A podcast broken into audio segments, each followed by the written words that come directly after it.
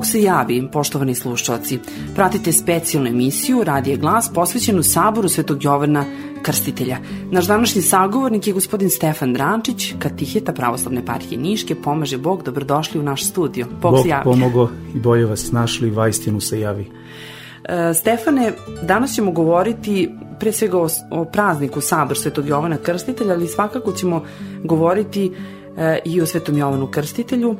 Govorit ćemo o tome zašto i kako je on bio taj prorok koji je neposredno pripremio ljude za dolazak Sina Božijeg, zašto ga nazivamo najvećim čovekom rođenim od žene, zašto ga nazivamo najvećim prorokom i zašto ga nazivamo pretečom.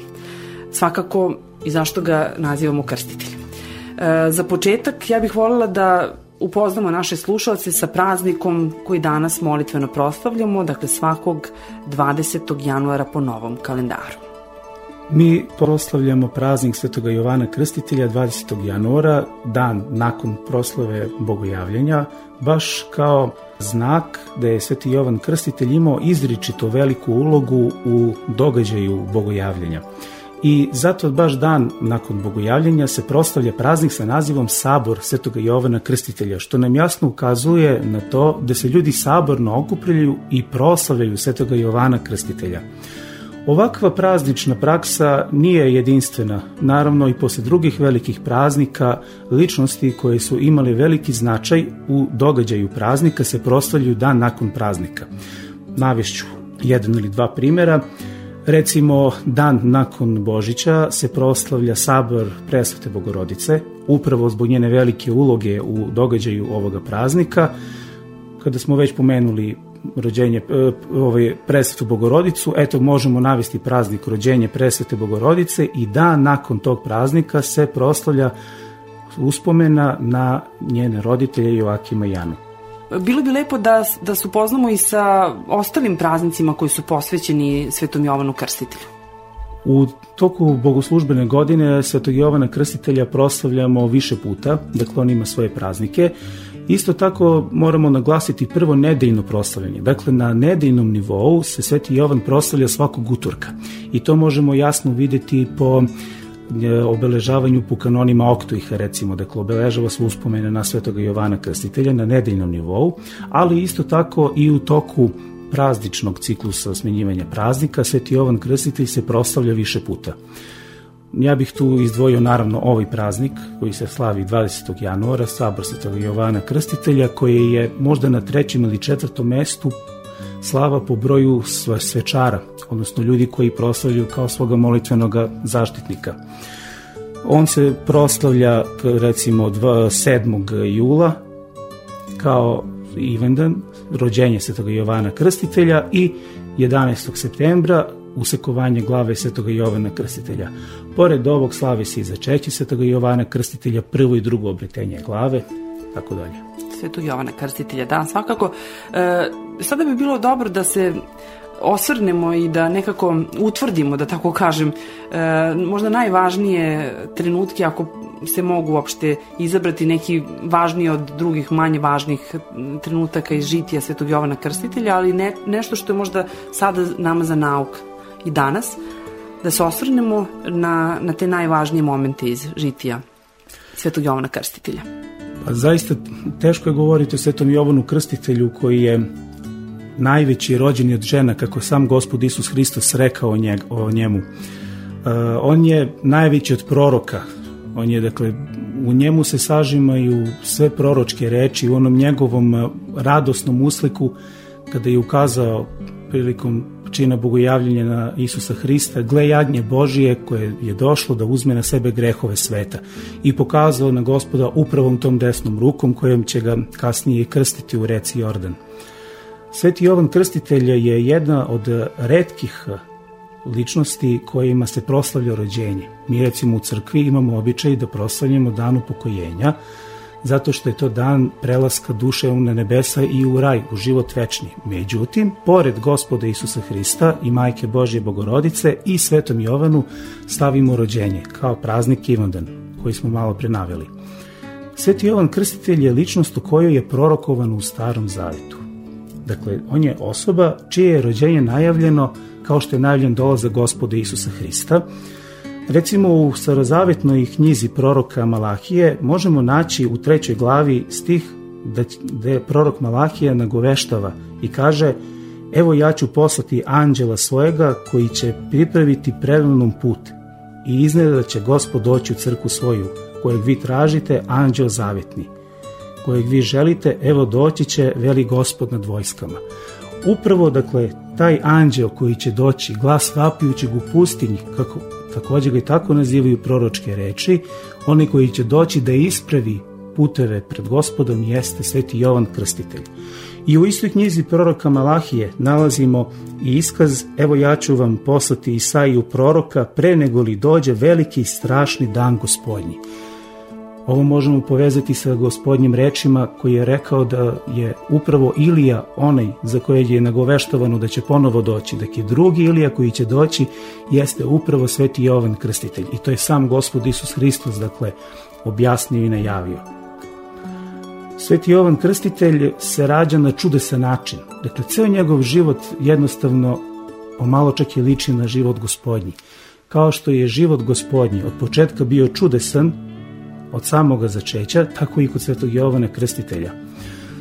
Roditelji Svetog Jovana Krstitelja, Sveti Zaharije, sveštenik i Elisaveta nisu imali dugo godina dece i tek u svojoj starosti su darovani od gospoda Boga detetom. U to vreme u narodu je smatrano da je na neki način kletva od gospoda Boga ne imati blagoslov za dalje umnožavanje poroda na zemlji zbog nekog velikog greha ne imati dete. Međutim, to nije bilo tako jer su oni bili izuzetno pobožni ljudi, blagočestivi ljudi, molitveni ljudi i zapravo njima gospod nije davao da imaju dete ranijim, u ranijim godinama, ne zbog toga što nisu bili dostojni, nego jer se čekalo da se navrši vreme, da se ispuni vreme za rođenje svetoga Jovana Krstitelja, a i da bi narodu koji su svedočili o njihovom životu bez deteta pokazao čudo svoje sile, kako je on moćan da i ljudima u starosti daruje dete, u godinama života čovekovog kada se ne očekuje da muž i žena mogu imati dece. Sveto pismo nam svedoči da je njegov otac Zaharija imao viđenje u hramu i da mu je anđeo gospodnji stajaći sa desne strane kadionog oltara nagovestio rođenje deteta. Sveštenik Zaharij je ostao zbunjen, bijevajući svestan životnih okolnosti i kao znak da su istinite reči gospodnje koje donosi anđeo Gavrilo, znak je bio da će onemeti i da neće moći da govori sve dok se ne ispuni događaj o kojemu je anđeo govorio i prorokovo. I zaista sveštenik Zaharija kada je izašao iz hrama nije mogao da govori, postoje nem i znacima je samo davao poruku ljudima da se nešto dogodilo i oni su to razumeli. I ostali su svi čudeći se i čekajući šta će se dogoditi nakon toga. Kada se rodio Sveti Jovan Krstitelj, bila je velika radost i veselje, rodilo se dete u domu od starih roditelja i želeli su da mu daju ime po nekome koji je već živeo u njihovom domu, oca, dede, pradede, to je bio običaj u ono vreme kao i danas, po tradiciji. Međutim, njegova majka je zahtevala da se on zove Jovan. Ostali su zbunjeni jer takvog imena nije bilo u njihovoj porodici, familiji. Pitali su sveštenika Zahariju kako želi da mu se zove dete i on je zatražio das, da, dasku daščicu i napisao je na njoj Jovan mu je ime. Tog trena se razrešila nemoć njegovog govora i on je tada proslavio gospoda Boga govoreći jednu himnu koja je ostala zapisana u Evanđelju po Luki. Nakon toga opet je doživeo sudbinu gospoda Isusa Hrista jer se on rodio šest meseci nakon toga. Njegove, njegova majka i presveta Bog, Djeva Marija, Bogorodica su bile rođake čak. Znamo da kada se gospod Isus Hristos rodio, da ga je car Irod tražio da ga pogubi i da je nemogavši da ga nađe jer je anđeo rekao Josifu da ide sa majkom i detetom u Egipat kako bi izbjegao stradanje, stradanje koje je Irod pripremio upravo jer nije mogao da pronađe bebu Isusa kod kojeg se bojao, on je car Irod naredio pokolj mladenaca dece do dve godine u Vitlejemu. Ovo je moglo da bude i končina života svetoga Jovana Krstitelja koji je i tada bio još uvek mali, još uvek dete, svega šest meseci stariji, pa su i oni morali da beže, isto tako. On je pobegao sa majkom, a sveštenik Zaharije, budući izuzetno veren i molitveno jak, ostao je da služi u svom hramu. U Evanđelju po Luki možemo naći da sam gospod Isus kaže za njegovog oca Zahariju da je postradao između na, na, na vratima hrama, dakle između hrama i kadinog žrtvenika. Dakle, da je da krv njegova vapije za pravdom i za, i za, i za, i za osvetom. Vidite, uh, po predanju, ono dakle što nije zapisano u Svetom pismu, tumači su zapravo ovo razumjeli na sledeći način. Želeli su od njegovog oca Zaharije da saznaju gde je Jovan Krstitelj, jer se mislilo zbog njegovog čudeksnog uređenja da nije možda on taj koga se car Irod boji. Tražili su od njega priznanje, on je priznanje nije dao i zbog toga što je zaštitio život svog deteta, plata je bila smrt. I on je dakle svoj život izgubio branići domostro ispresenja gospodnjeg, branići život svog deteta, tek rođenog. Dalje Sveti Jovan Krstitelj provodi svoj život u pustinji. Isto jedno zanimljivo predanje kaže da je Sveti Jovan Krstitelj mogao da bude pronađen od carskih vojnika dok su u, u, u, u samoj pustinji.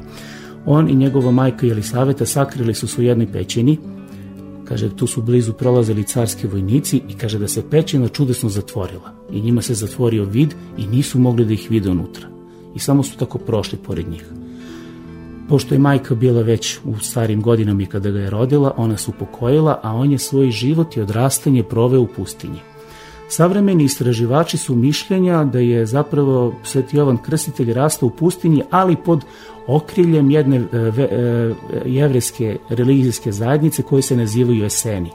Eseni su inače karakteristični po veoma strogom životu, po, veo, po praktikovanju velikih i teških postova i po tome što su imali taj neki apokaliptični duh, ako možemo tako da nazovemo. Dakle, bili su izuzetno usmereni prema dolasku Mesije i, prema, e, i, i izuzetno su poštovali i cenili proroke u, u starog zavetu.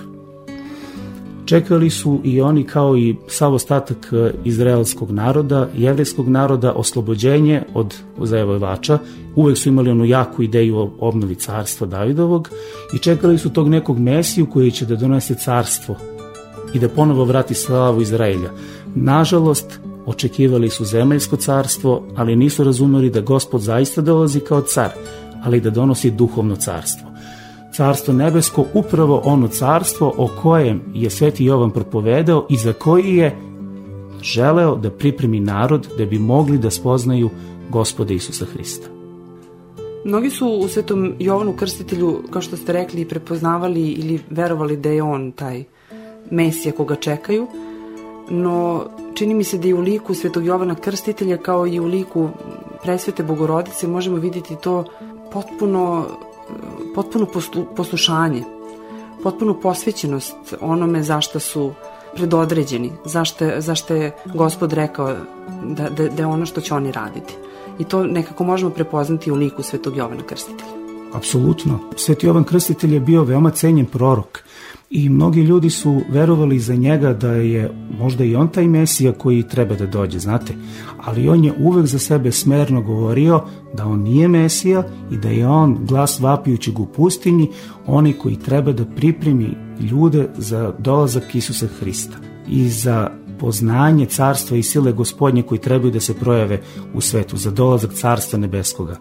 To isto možemo reći i za taj trenutak e, krštenja gospoda Isusa Hrista. I ta činjenica da on njega prepoznaje, da on zna ko je on, da se on njemu obraća i da, da kaže kako, kako će on krstiti njega kada bi gospod trebao da krsti Svetog Jovana Krstitelja, ali to, to slušanje zapravo zapovesti i isprovođenje onog što e, gospod kaže da, da to jeste poštovanje zakona.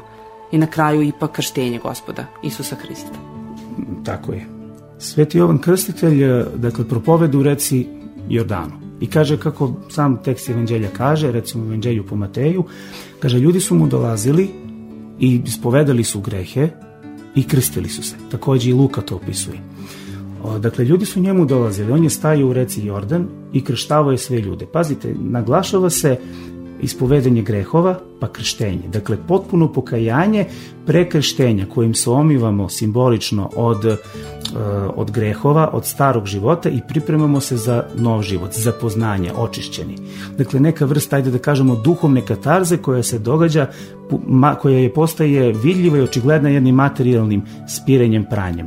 Voda znamo da danas služi na da peremo ruke, recimo, naročito u ovo čudno i teško vreme ove epidemije, naglašava se kolika je važnost da bismo telesno bili zdravi da peremo ruke, jel tako, često i da to može pomoći da se ne zarazimo virusom koji može da bude smrtonosan.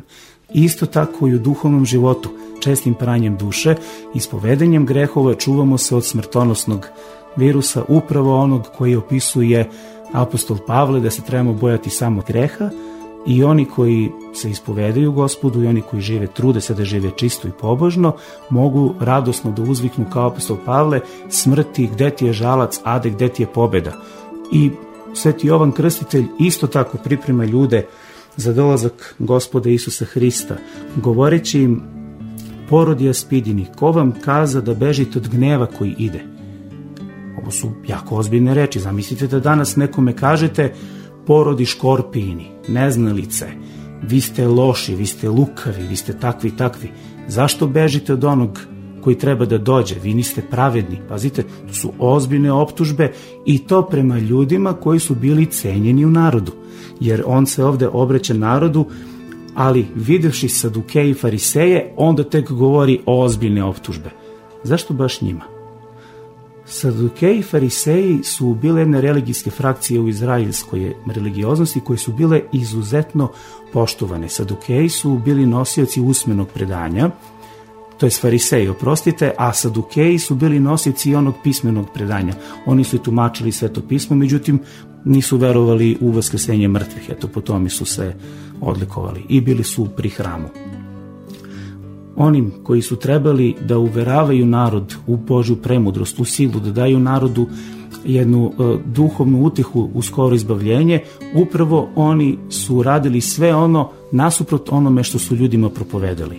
Dakle, zato i gospod u, u evanđelju često zove licemerima, jer su živjeli život koji je bio u suprotnosti sa onim što su propovedali i ljudima su govorili da ispunjavaju zakon koji nije bilo lako ispuniti, a da pritom oni nisu to sami činili.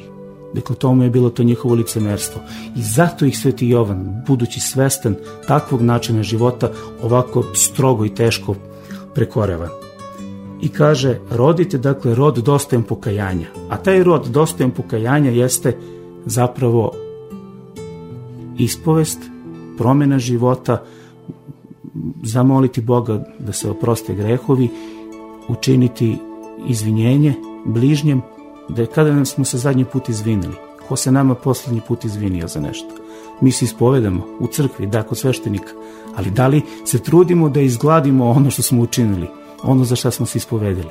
Trebamo razmišljati o tome. Sveti Jovan Krstitelj ima uzvik koji je aktualan i u ono vreme, ali isto tako i danas. Dakle, propovednik pokajanja. Zato i na ikoni drže uzdignutu ruku, kojem ta, ta uzdignuta ruka Svetoga Jovana na ikonama upravo pokazuje njegovu proročku funkciju, ali pokazuje da ima nešto važno da nam kaže. A to je upravo poruka da se promenimo i da budemo bolji, da bismo mogli da vidimo Boga. Jer ljudi u ono vreme nisu mogli videti Boga baš zato što im je srce bilo nečisto i zatvoreno za viđenje Boga. Kada sagledamo žitije svetog Jovana Krstitelja, zaista nekako možemo da doživimo jedno vreme koje je bilo preto više od 2000 godina i možda je nekima i teže da nađu e, odnos tog vremena sa, sa ovim današnjim našim trenutkom ili sa nekim budućim vremenom koje tek dolazi, ali o tome ćemo na kraju. E, mislim da je jako važno da nekako kako reko ste, život Svetog Jovana Krstitelja zaista nalikuje i kao da, da podsjeća na e, život e, gospoda Isusa Hrista, pa tako i njegovo stradanje. I, i, i taj je. trenutak stradanja, mislim da je važno da iz njegovog žitija nekako se podsjetimo i ovog trenutka. Život Isusa Hrista i Svetog Jovana je zaista mistično povezan i vidite, e, recimo, gospod Isus Hristos započinje svoju propoved to je striktno naglašeno u Markovom evanđelju, prva rečenica kojom gospod počinje propoved jeste pokajte se jer se približilo carstvo nebesko. A ovo je upravo u evanđelju i rečenice kojim Jovan poziva narod na promjenu i na pokajanje. Vidite, ovaj, u ono vreme Jovanovska škola proročka je bila izuzetno jaka i Jovan imao svoje učenike i na više mesta je pisano o tome da recimo Jovan šalje svoje učenike do Isusa.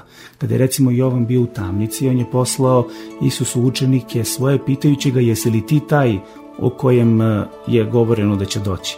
I onda gospod kaže učenicima neću ja reći za sebe, parafraziram ko sam ja, ali evo govorite dela koje vidite. Slepi vide, gluhi čuju, mrtvi vaskrsavaju, siromašnjima se propovede evanđelje. E, to je čak išlo do te mere da recimo Jovanovi učenici e, razgovaraju sa Isusovim učenicima, sa apostolima. Pa recimo pitaju e, oni zajedno sa farisejima, kaže evo kaže mi često postimo, a tvoji učenici ne poste. Zašto je to tako? Im gospod odgovara, ne može, kaže čovjek da posti dok je ženik sa njima. Misleći, svatovi da poste, ne mogu dok je ženik sa njima. Ali, kaže, oduzet će se ženik od njih, kaže, i onda će postiti. Zato recimo u dane posle Vaskrsa ne postimo prvu nedelju, tako. To je običaj crkvi. Sveti Jovan Krstitelj, ja bih ovdje se samo vratio na događaj bogojavljenja. Sveti Jovan Krstitelj ima izuzetno veliku ulogu u krštenju gospoda Isusa Hrista. U njemu se sažimaju sve proročke reči i on je dakle posljednji od proroka, a možemo reći prvi od apostola. I u Lukinom evanđelju se naglašava da su zakon i proroci do Jovana Krstitelja, a od njega je carstvo nebesko. Od njega, od svetoga Jovana Krstitelja, nadalje se blagovesti carstvo nebesko. On je predstavljao političku pretnju za cara Iroda, jer je zapisano u evanđelju da je on zapravo kritikovao ljude i nije bio on strog samo prema ljudima da promene svoj život. Bio je strogi prema velikašima, prema caru. Rekao caru Irodu, prekorio ga javno što je uzeo ženu svog rođenog brata sebi za ženu. Pritom dok je njegov brat još uvek živ. On je doveo dakle njegovu ženu u svoj dvor i držao je sebi kao ženu, zajedno je doveo sa njenom, sa njenom čerkom. Dakle, uzeo bratanicu svoju čak na svoj dvor. I Sveti Jovan ga je strogo kritikovao zbog toga. Car Irod je, može se vidjeti u evanđelju po Luki, izuzetno poštovao Jovana krstitelja i savjetovao se sa njim. Međutim, kada je on postao politička pretnja po njega, on ga je uklonio, da kažemo, iz naroda, time što ga je stavio u tamnicu. I dozvolio je pristup u tamnicu samo Jovanovim učenicima. Sveti Jovan Krstitelj gubi svoj život za pravdu on gubi svoj život braneći svetinju porodice. I zato se on danas smatra zaštitnikom porodice. Porodice koje su u problemu, koje su u bračnim neslogama, u netrpeljivosti, treba da se mole svetome Jovanu Krstitelju i on će pomoći. Njegov život se završio na način kako što se završavao i život svih starozavetnih proroka jednim teškim velikim stradanjem zbog vere i zbog pravde. Ne učinivši nikakvo zlo, izgubio je glavu zbog osvete Irodijade, žene cara Iroda, i to je već praznik usekovanja glave svetoga Jovana Krstitelja. Reći ću par reči o tome. Car Irod je imao jedan veliki događaj, obeležavao svoj rođendan, to je bio povod za veliko slavlje, da je rođendan, da je slavlje, da je neumerenost i nepokajanje, tu je i preterivanje, zapadanje u strasti, tako su oni zapali u strast pijenja vina, dakle bili su pijani i car je u takvom jednom stanju rekao čerki Irodijade, Salomi, obduševljen njenim egzotičnim, da kažemo, plesom, jer je to bila jedna igra koja se nazivala igra sedam velova, tokom kojih se igračica postepeno oslobađala svoje odeće. I to je bilo uglavnom ples za uskre krugove ljudi. On, bivajući oduševljen takvim plesom, probudivši su njemu i bludna strast, on je rekao, zaišti, zatraži od mene šta god želiš, makar bilo i pola moga carstva. I ona je postupila, pa da kažemo, iz njenog ugla mudro, posavjetovala se sa svojom majkom i ova je želela ne pola carstva, želela je da zadovolji svoju sujetu i želju za osvetom, tražila je glavu svetoga Jovana Krstitelja. Car Irod nije ovo učinio sa radošću. Prvo jer je cenio i savjetovo se dalje sa Svetim Jovanom Krstiteljem iako u tamnici, a druga stvar bio je svestan da narod drži Svetoga Jovana za proroka i plašio se reakcije naroda, znate, bojao se socijalnih nemira ukoliko pogubi tog Jovana Krstitelja, ali ipak je dao reč pred najvažnijim ljudima u njegovom carstvu, nije želao da povuče reč i naredio je pogubljenje svetoga Jovana. Stražari su otišli i pogubili su svetog Jovana u tamnici i doneli su zaista na tenjiru glavu svetoga Jovana Krstitelja. Zato se sveti Jovan Krstitelj na pojedinim ikonama i slika kako drži u svojoj desnoj ruci svoju glavu, dakle slično kao što se slika sveti car Lazar. Pokajte se jer se približi carstvo nebesko. Čini mi se da i danas nekako lagodno gledamo na ovu važnu rečenicu kojom je i Sveti Jovan Krstitelj opominjao tada za, za vreme svog života, ali i danas nas opominje. I možda, ako zamislimo Svetog Jovana Krstitelja danas, takav kakav jeste, da progovori u ovo vreme diplomatije, kada biramo reči, pa evo i mi u ovoj emisiji kada govorimo o Svetom Jovanu Krstitelju, biramo reči, šta ćemo reći i kako ćemo se izraziti. I, i generalno danas ljudi biraju reči kad e, žele da nekom kažu da je nešto pogrešio ili da, da nas podsjeti na, na to ko smo i kakvi smo. Pa i sami sebe kad podsjećamo, biramo reči. I eto, ove reči koje su vrlo direktne, tu nema, uh, o, nema nekih nesnoća, tu je sve vrlo jasno. Pokajte se, jer se približi carstvo nebesko. Šta nam danas poručuje Sveti Jovan Krstitelj? Šta nam u ovom trenutku našem današnjem poručuje kada, pogotovo evo u ovim izazovnim vremenima, kada se, smo preplašeni, kada e, smo stisnuti, čini nam se sa svih strana, kad su nas mnoge nevolje snašle, kad smo nekako vidimo sebe kao ljude kojima je potrebna pomoć, kako smo mi u nekoj lošoj poziciji, ne vidimo šta to potiče od nas, gde su naše greške, ne vidimo zašto mi to treba da se pokajemo, ne vidimo zašto treba da zablagodarimo gospodu, nego samo tražimo ono zbog čega treba da žalimo i, i, i gde nam je potrebna pomoć. Nekako ne vidimo šta nam je dato u ovim teškim vremenima, kakva blagodat je nama data. U tim i u ovakvoj situaciji nekako je zaista važno da se još jednom podsjetimo smisla i značaja ovih reči Svetog Jovana Krstitelja i toga šta nam on danas poručuje i šta mi danas možemo da izvučemo iz, iz njegovog života, ali iz onog što je on propovedao. Na njegov poziv pokrijte se jer se približilo carstvo nebesko možemo i da nadovežemo odmah onu blaženu, blaženi čisti srcem jer će Boga videti. Ako se ljudi ne pokaju, oni ne mogu da vide gospoda Isusa Hrista. I da ovo nije samo prazna reč, možemo videti i u evanđelju, da ljudi koji su ujako gledali život Isusa Hrista, slušali neizrecive reči blagodati propovedu Carstvu Božjem, gledajući čuda koje je on činio, nisu se preobraćali ka gospodu, dakle nisu razumevali i videli čuda kao takva, nego su osuđivali zapravo gospoda. Umesto da vide čudo i da se uvere da je gospod Isus zaista i spasitelj, da je on taj o kojem je govoreno, oni su ga optuživali što čini čudo u subotu, a ne u neki drugi dan. Eto, to su konkretno optužbe, recimo, koji su fariseji iznosili protiv njega. Dakle, zatvorene su im oči uma i srca da gledajući na vide i da slušajući ne čuju. Zašto? Zato što nisu imali čisto srce. Nisu imali onu pokajnu molitvu u carinika u hramu, eto, da se povežem sa evanđeljem, sa pričom iz evanđelja po Luki, priču o cariniku i fariseju. Dakle, ne trebamo se hvaliti pred gospodom kako smo pravedni, kao farisa i trebamo da se bijemo u prsa svoja govoreći gospode nisam dostojan oprosti mi, pomozi mom neveriju. Jer ćemo kroz vrata pokajanja zapravo da obrišemo vrati prozore naših srca i moći ćemo iz našeg srca da gledamo na svet onakvim kakvim, kakvim ga je Bog stvorio. Ukoliko ne obrišemo vrata i prozore svoje duše, nećemo moći da vidimo ništa drugo osim te svoje sobe u kojoj smo zarobljeni. Osjećamo zarobljeni u sebi. I upravo zbog toga danas tolika bojazan, toliko smo se zatvorili, toliko se bojimo. Baš zbog toga što u nama je nekako prisutno često neko maloverje Znate, prisutno je nama preterana obazrivost, ne kažem ja, kaže narodna izreka ko se čuva i Boga čuva. Ali hajde da uvedemo i malo vere u to. Hajde da se ne zatvorimo potpuno pred svojim bližnjim i da vidimo našeg bližnjeg koji onako čeka našu pomoć, a mi da se bojimo da mu priđemo iz straha od svoje lične smrti. Kad kažem smrt, ne znači samo telesna smrt, znači smrt kao gubljenje ugleda u društvu, znači smrt kao gubljenje benefite, kao gubljenje materijalnih sredstava, jer ako vi pomognete, date nekom nešto, vi ste izgubili, jel tako?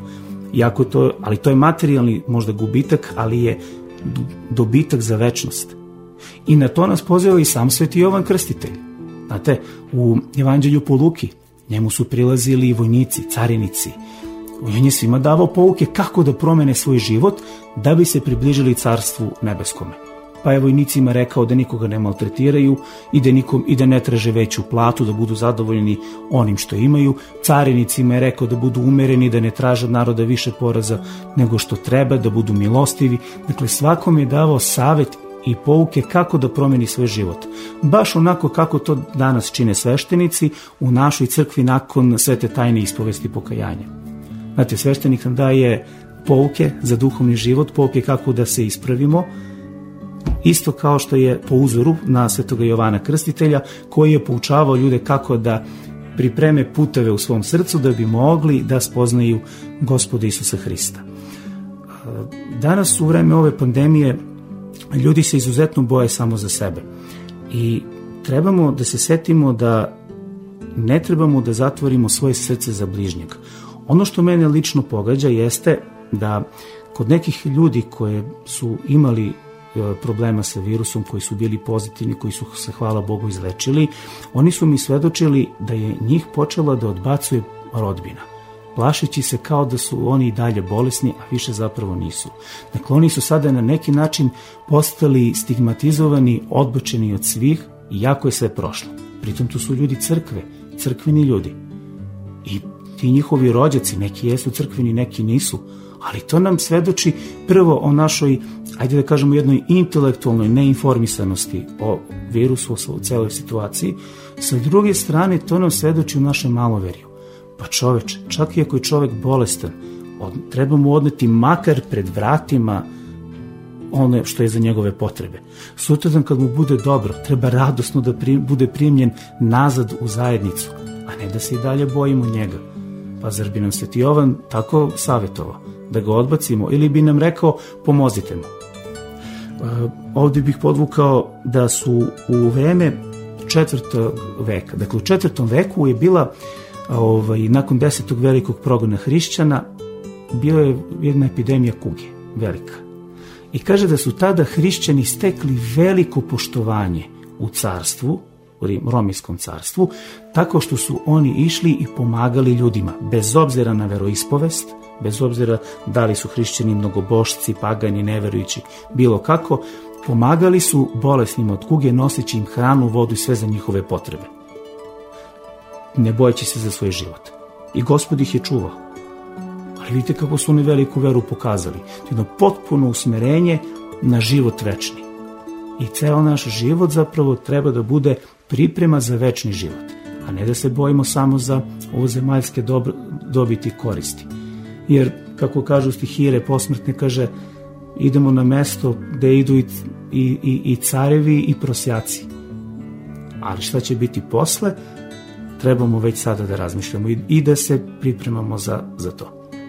Pa ja nekako verujem da bi nas tome poučio i Sveti Jovan Krstitelj. Na današnji dan, 20. januar, po novom kalendaru mi molitveno proslavljamo sabor Svetog Jovana Krstitelja.